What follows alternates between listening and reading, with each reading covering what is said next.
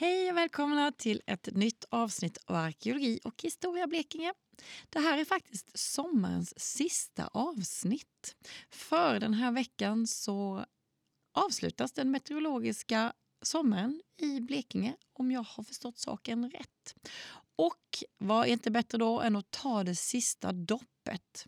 För förra veckan så stängde eh, Blekinge museums marinarkeologer för sin fältsäsong med att göra det sista dyket vid Vemmö eh, utanför centrala Karlskrona.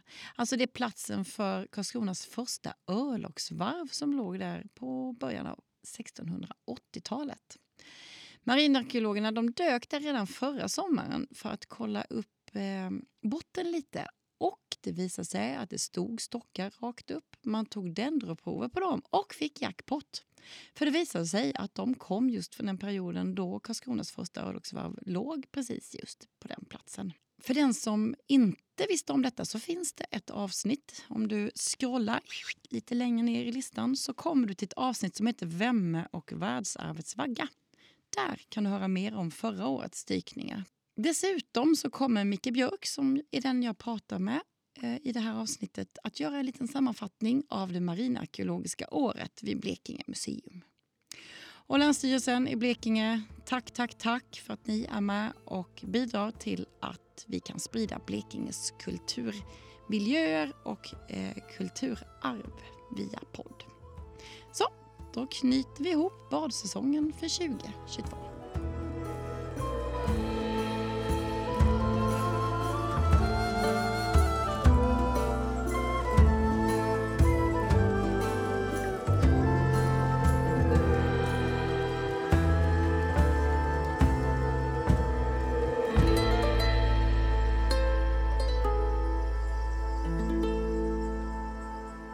Vilket väder! Ja, det är varmt. Det är jättevarmt. Vad är det för datum idag? Det är den Tionde 10 november. november. Mm. Och senast jag var här var någon gång i juli förra, året. ja. Ja, ja, det kan stämma. Jag sitter här på ett eh, vägräcke med Mikael Björk, marinarkeolog vid Blekinge museum. Och då var är vi någonstans? Nu sitter vi återigen vid, vid Vemmö där Mm. det gamla varvet låg 1680 till 1684. Ja precis, vi har vi ser NKT precis rakt fram över viken Ja. här. Mm. Underbar dag, solen skiner, det är nästan för varmt. Men vi håller på att fortsätta med det projektet vi började med förra året. Eh, med, med den här pålkonstruktionen som är vattnet här utanför oss. Just det. Det är ju pålar som, som har varit någon typ av bryggkonstruktion Mm. under den, den tid som varvet var, var aktivt. Mm. 1680 till 84. Men om vi backar tillbaka till förra året. Mm. Då var ni här första gången.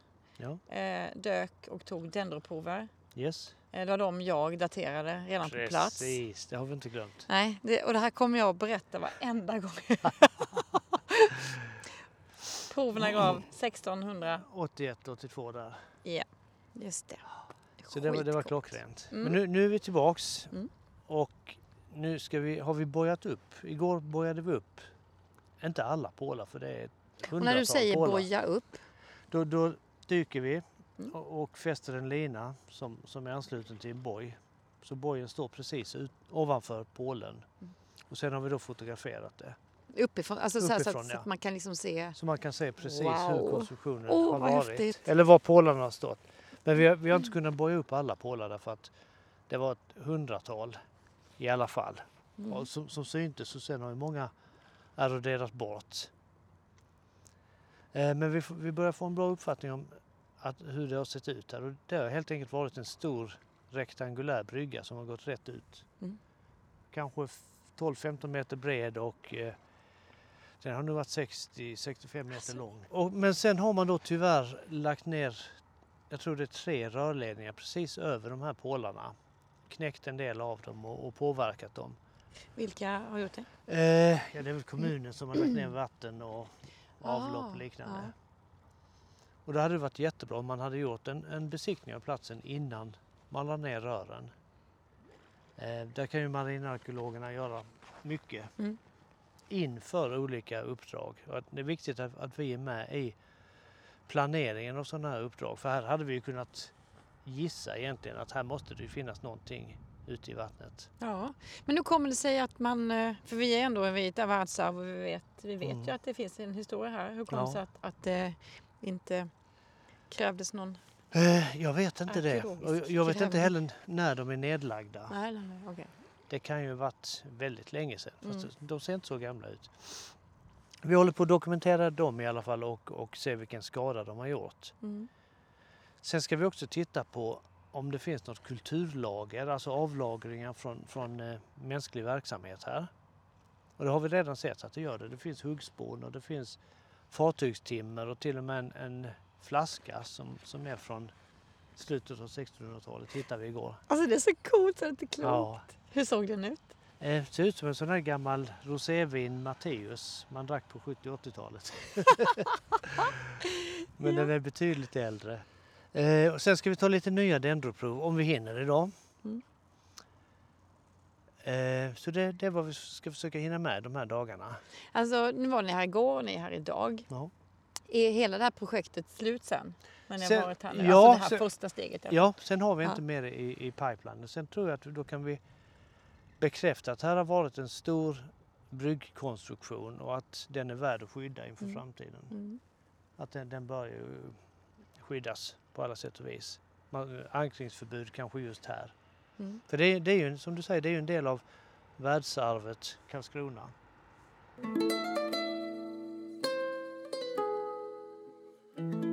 Sitter på torra land, men det finns dykare i. Jens Lindström från Nordic Maritime Group är i vattnet och jag är räddningsdykare där på land. Mm. Eh, och han är nere och fotograferar nu. Han är väldigt duktig på det. Och då tar han både, både bilder av rören, rördragningarna och sen av pålkonstruktionen. Mm. På vissa ställen här ute kan man se att pålarna står i, i kluster 4 och 4 eller 6 och 6.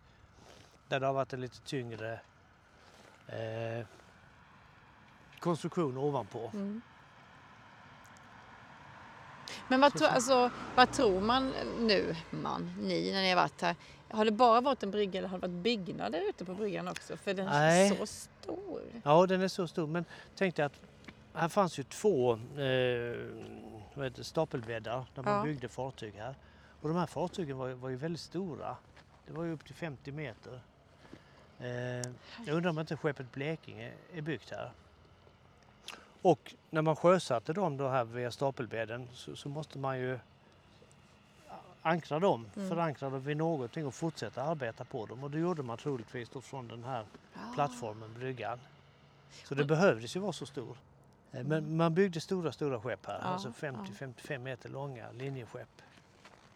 Men sen tog det slut snabbt. Man, man flyttade hela verksamheten bort till Trossö. Ja, just det.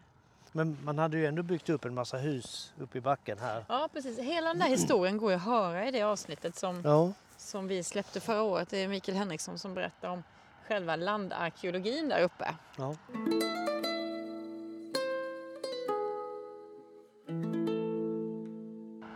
Men du, jag tänkte så här, vi ska inte vara så här jättelångrandiga här egentligen för du har ju berättat vilket arbete ni har gjort men jag tänkte kan vi inte summera lite eh, själva dykåret? Det Blekinge museums marinarkeologiska år. Ja, Ja. lite så.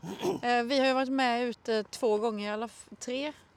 Vi har varit med eh, pålspärrar, både när ni, eh, vi körde med eh, sonar och när ni dök. Ja. Vad är det du kikar efter? Nej, jag, han har sånt högt tempo nu. Eh, Man ser att rytmen ändrar sig. Mm. Så jag undrar vad han gör men, men det ser bra ut allting. Jo. året har varit väldigt, väldigt, väldigt händelserikt på den marinarkeologiska fronten. Mm. Vi började med, med undersökning av Ryamardsvraket. Medeltida vrak som ligger vid Sturkö. Ja. Daterat till 1270 ungefär. Och då gjorde, gjorde vi en eh, ordentlig undersökning av skeppskonstruktionen. Vi rengjorde delar av det. Det är alltså, har varit 14 meter långt. Och då hade vi med oss Jens Lindström och Staffan von Arbin. Och Staffan är väldigt duktig på skeppskonstruktioner. Så att Mm. tittade på hur är skeppet sammanfogat, hur brett har det varit, hur långt har det varit, vad har det varit för skepp och så vidare. Så det var i april. Sen började vi med pålspärrarna och där, dök vi i tre veckor. Ja, vi var ute också i, ap- i april, I och körde april. sonar. Då var även podd, podden med. Ja, precis. Just det, så det finns det ett. Då körde vi Ja. sonar vid slädevraket och vid pålspärrarna. Mm. Och sen började vi dyka på pålspärrarna i juni och dök där i tre veckors tid knappt. Och sen var vi på slädevraket, undersökte det lite enkelt, sågade dendroprov. Och det som är fantastiskt med slädevraket nu, eller eh, intressant, är att det, det är byggt runt 1540 i Mm. norra Tyskland. Det har varit stort, det har varit 23-24 meter långt, byggt av, bara av ek, stora 50 centimeter eh, höga bord och har med all säkerhet varit bestyckat. Så det har varit en örlogsman. Wow. Och så, då kommer ju frågan, vad, vad i hela fridens namn gör det mellan Sturkö och Vagnö? Det har varit känt sedan 1940-talet. Och människor har plockat det. Marinen har varit där, ortsbefolkningen har plockat virke och så. Men det är ändå- en 18 gånger 3 meter eh, stor sektion kvar på botten. Sen var det Gripshunden som Mm. vi var ute och jobbade Mm. på. Två veckor. Och nu är, det då, är vi tillbaks till Vemme. Så att det har varit väldigt aktivt år. Blekinge har ju så mycket att, att göra. Det finns så mycket att göra i Blekinge. Både vad gäller marinarkeologi och vanlig arkeologi naturligtvis. Ja. Ja, nej, alltså just marinarkeologiskt känns det som att, att eh, ja, det har väl liksom bubblat ganska länge men det känns ändå som att det verkligen har satt igång de, Ja, de senaste åren. Ja, precis. Eh, Eh, det, har, det har hänt mycket nu. Men hur kommer det sig att, att intresset har ökat så? Jag vet, inte. en del av det hela är, ju att Blekinge museum satsar då på en marinarkeolog, Mm, det vill säga mig, som, som har tid att, att eh, grotta ner mig i detta. mm, och knyta kontakter med andra arkeologer, forskare och, och eh, utvecklare i Blekinge. Mm. Sen är det ju ett allmänt intresse vad gäller marinarkeologin. Människor är väldigt nyfikna. Vad finns under ytan? Vilket, speciellt här i Blekinge när vi har ett så rikt kulturarv. Från stenåldern fram till idag. mm. Här finns ju allt. Så att jag skulle nog säga att Blekinge är den hetaste platsen i Sverige på, vad gäller marinarkeologi. Och det var början. Ja, vad spännande. Nu är han långt borta där. Ja. Är det yttre delen av... Ja, vi har, vi har faktiskt, vi började igår med att gränsa av området och har lagt eh, en lina runt hela området. Jaha, så ligger den där nu Ja. eller? Ah. Så det blir det sista vi gör idag, att, att plocka upp den. Mm. Men han följer, nu följer han ett rör bort. Och dokumenterar. Men nu borde han vara vid utkanten av konstruktionen. Det är cirka 50 meter ut. Så följer han då linan. Mm.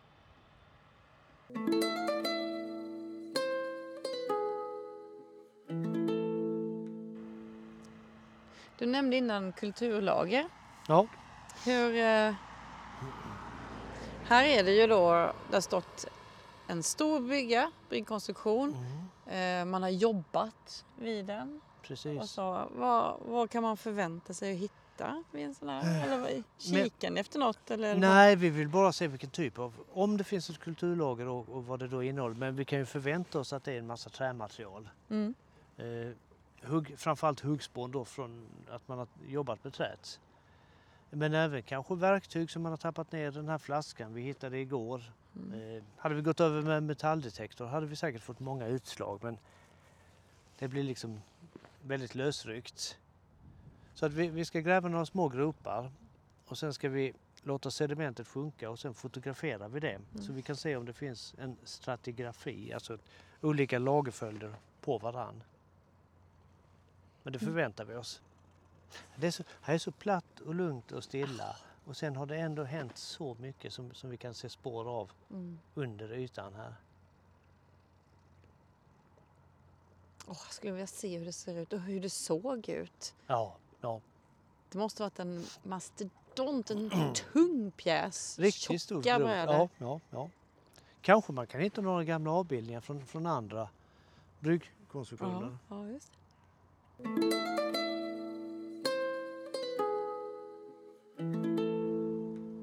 Vad är din eh, roll här nu när vintern Ja, det, det är ju rapporter som ska skrivas Mm. och sen håller jag på att jobba mycket med pålspärrarna. Försöker sätta mig in i, i hela kontexten. Därför att det projektet handlar ju inte bara om själva pålspärren utan det är det som nej. är på land runt Mm. omkring.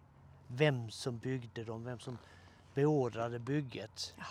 En av de här spärrarna kan, kan ju faktiskt innehålla ja, över 50 000 pålar. Bara en spärr. Alltså det, det, det går liksom inte riktigt att ta in Nej, och nej. förstå. Hur fruktansvärt vilket jobb. Ja, och jag försöker då förstå varför. Vad, vad har krävt den här gigantiska arbetsinsatsen? Vilket, är det, har det varit ett hot eller har man velat styra trafiken till vissa sund och kunna ta upp tull? Men det mesta talar väl för att någon typ av hotbild. Och just den här tiden när, när spärrarna byggdes. Mm. Vi har tre grova dateringar nu. En, en spärr som är runt 1050, en 1070 och en 1070 som har hållit på till 1140 har man reparerat den Mm. I grova drag. Eh, men just då så var det ju, det hände ju så enormt mycket i Blekinge. Biskop, Vad? biskop Egino sägs ha kristnat Blekinge runt 1060. Mm. Vi var ju, vi, de var ju hedningar tidigare sägs det. Oden och Tor och, och Ja, andra gudar. Ja, ja. Så det var en stor omställning. Vi vet att det var mycket trafik här utanför skärgården. Vänderna anföll danskarna, det var lite senare. Vänderna bodde i norra Tyskland. Vi har slaverna borta i östra, vid, vid Estland, Lettland, Litauen. Mm. Kurerna därifrån som ibland körde förbi och anföll. De anföll danskarna också. Vi vet att det var danska korståg som gick då från Danmark bort till Baltikum för att kristna hedningarna där. Eh, det var i slutet av vikingatiden med, med de vikingatåg som fanns. Mm. Så det var en väldigt, väldigt orolig tid. Och vi vet ju inte faktiskt om Blekinge, om det var ett län eller om, som tillhörde Danmark eller Sverige. Eller bestod Blekinge fortfarande av mindre kungadömen Mm. som hade sitt eget styre. Naturligtvis eh, kontakter med, med, med danska kungen eller svenskarna. Mm. Det är så mycket som är oklart här och de här, det här Pålsbergsprojektet kanske kan ge oss små, små, små ledtrådar i rätt riktning.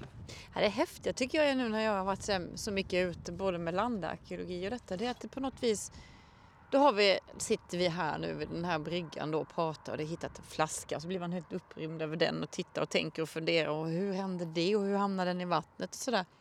Mm. Från de där små sakerna till de här stora dragen som du pratar om. Ja, Det är så, eh, ah, det är så spännande. ja och det, det är ju så vi ska se arkeologin. Mm. Vi ska ju inte se Vång som en händelse, en plats. Utan Nej. man måste ju se kontexten, allting runt omkring. Hur, Mm. Allting hänger ihop på något sätt. Mm.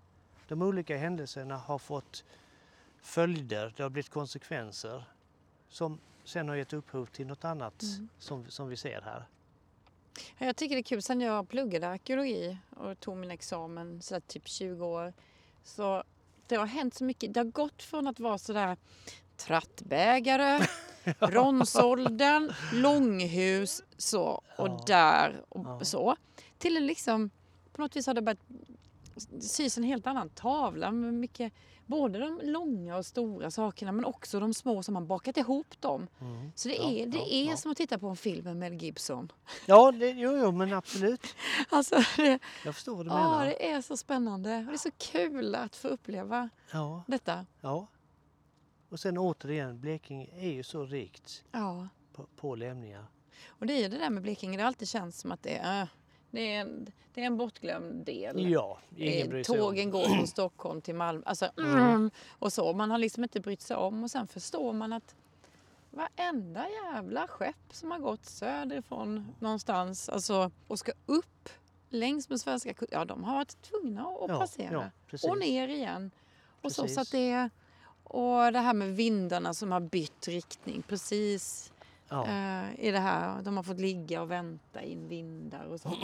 så men är det någonstans det har varit en sån, vad heter det, vägkrog så är det Ja, här. ja.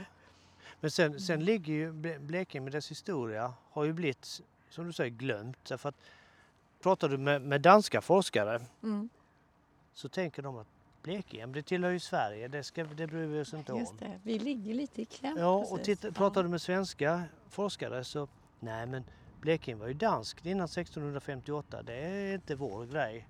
Nej, Så att ingen har egentligen, eller ja, man har inte tagit tag i det. nej. Danskarna tycker att det var svenskt och svenskarna tycker att det är danskt. Och vi är lite småschizofrena emellan. Ja. För vi vet, när, var, när var vi vem? Ja, men det ser man ju fortfarande spår av än idag. Alltså, Ja. Jag menar kommunikationen mellan östra och västra länet är ju Ja. kanske inte alltid det Nej. bästa.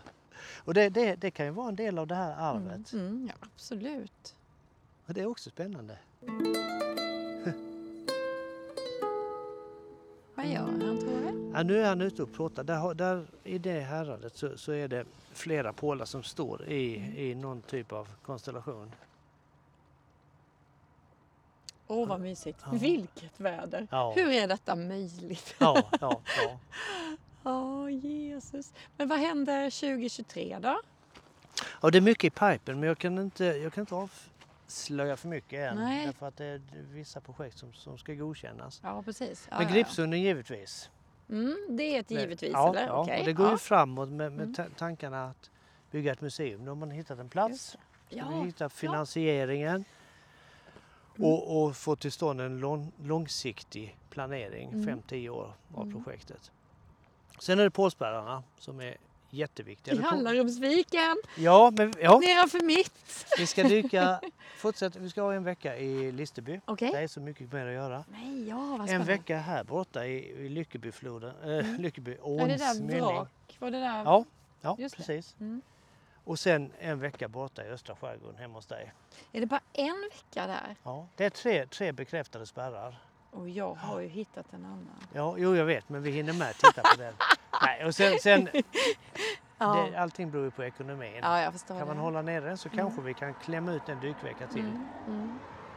Marinarkeologi är ju mycket, mycket dyrare än Ja, ja, ja. landarkeologin. Vi måste Ja. vara tre dykare, Mm. all utrustning, väder och vind. Mm, Och sen är det ju bara ett fåtal människor som arbetar med det i Sverige. mm. Ja, precis. Och det gäller ju att Det gäller att få hit dem. få hit rätt personer. Ja, Ja, ja. precis.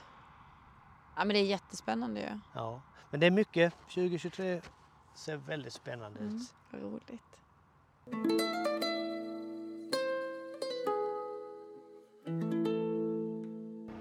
Hur länge håller ni på Tony? Två, tre, något sånt skulle jag Mm. tro.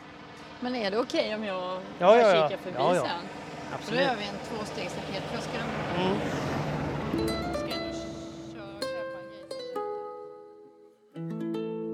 Nu har vi precis kommit upp och nu är vi klara med dykningen eller undersökningen för denna gången. Ja, och det är, ja, det är för i år. Helt För i år och, Mm. och ja, det är inget planerat nu framöver utan nu har vi en rätt så bra bild av vad det är för anläggning. Mm. Precis när jag kom så kom du upp ju. Ja. ja. Och nu, nu har vi varit ute och sen du var senast så har vi gjort provgropar Mm. ner i, i bottensedimentet. Första decimetern så är det väldigt flyktigt sediment. Men sen under det så ligger det 3-4 decimeter kulturlager. Tänk att det finns kultur. Alltså för Ja. mig är det att det finns kulturlager Ja. på botten. Så. Det är... Och det är ju inte samma som du hittar i en, stads, en stadsgrävning. Nej. Men det är ju mest spån, olika eh, trästycken, träbitar.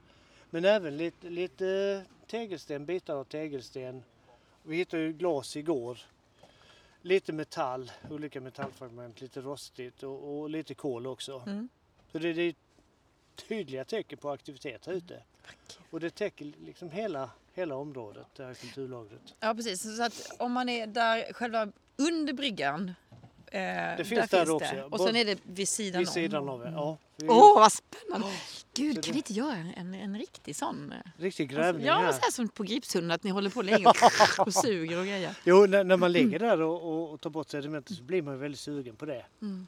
Att, att göra en hel undersökning av det och se vad som finns. Men, men vi, vi vet i alla fall i dagsläget att, att det var aktivt och när det var aktivt och, Mm. och delvis då hur man har brukat platsen. Mm. Så, så, så det målet är uppnått. Finns det något sån här, förutom flaskan som ni sa innan, finns det något annat som ni har sett som, ah, som är sådär? Ja, en, trästycke, det ser faktiskt ut som, som en lucka till en, en kanonport men det är det ju naturligtvis inte. Men det var ett par bokstäver på det, Ja. in, inristade. Eh, Vad- vi har vad tagit lite bilder. Jens, vad var det stod för bokstäver? Var det R eller P? A eller RA. P, P-A A eller eller R-A. Per Arne kan du Per-Arne. Ja. Ja. Men det, det, det var liksom två brädbitar som Mm. satt på varandra, två rekt, eh, rektanglar och den ena var lite mindre. Ja, man vet aldrig. Ja, det ska jag klura på lite vad det kan betyda. Ja, ja. Men ni är nöjda? Vi är nöjda, det har Mm. gått jättebra allting. Mm. Vi hade tankar på att ta fler dendroprov men vi gjorde inte det för att vi bedömer att anläggningen är anlagd samtidigt. Mm. Det är sa- samma, byggnadsår på alltihopa. Så det, men det ni har gjort nu när ni har mätt in och så, kommer det komma fina ritningar på detta sen Ja, som man kan ja, titta ja. Är det en rapport som det kommer? Det kommer eller? en rapport Mm. senare i höst ju. Mm. Eller vinter. I vinter? I Ja. vår? Ja, någon, någon gång. Ja. Man brukar ha ett år på sig. Ja, just det. Mm. Ja, vad spännande, vad kul! Ja. Ja. Ja, men då har vi satt en liten punkt för det här i alla fall. Ja, det har vi gjort för tillfället i Mm. alla fall. Sen får vi se om, om någon vill forska på det eller om Länsstyrelsen vill att vi fördjupar Ja. undersökningen här. Då gör vi gärna det. Det är en spännande plats.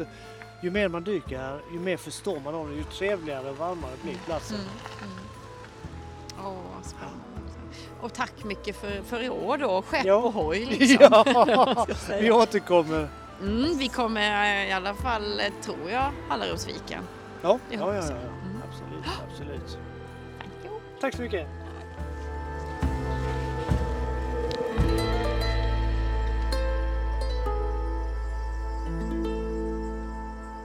Ja, tänk vilken innest att få komma så nära ett världsarvets vagga.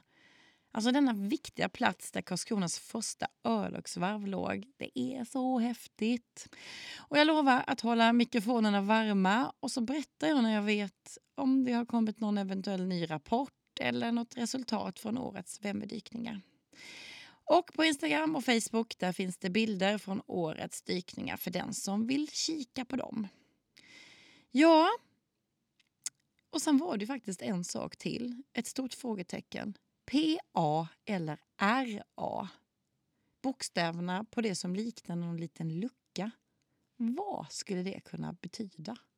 Den som tror sig veta detta får jätte, jättegärna skicka in till Instagram eller till Facebook och eh, komma något förslag på vad det kan betyda. Och ni, som vanligt så produceras podden i samarbete med Länsstyrelsen i Blekinge och jag tackar dig för att du har lyssnat.